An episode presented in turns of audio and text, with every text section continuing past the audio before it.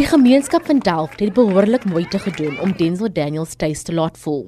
6 jaar gelede het die geestesongesonde man soos 'n groot speld verdwyn. Sy ma het gedink hy is dood en 3 jaar gelede vir hom 'n gedenkdiens gehou.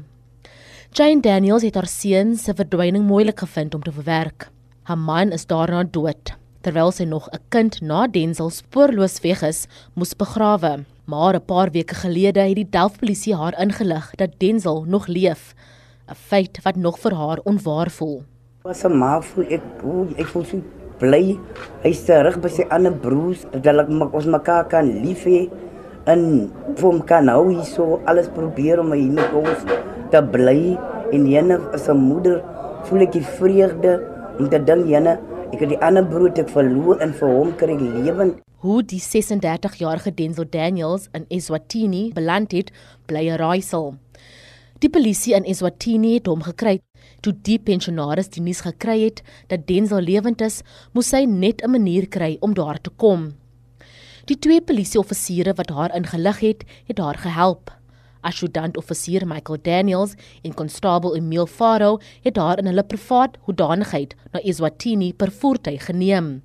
Adjutant-offisier Daniels sê die meer as 3500 km rit oor 'n paar dae was uitdagend.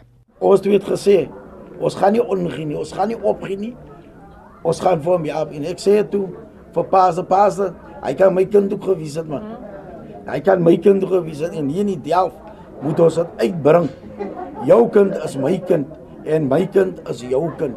En dis waar ons vir Denzel vandag teruggebring het. Hy's gesond. Ek wil amper hele toe ek sien hoe hy en sy ma mekaar vasgryp binne in die Swaziland se kantoor.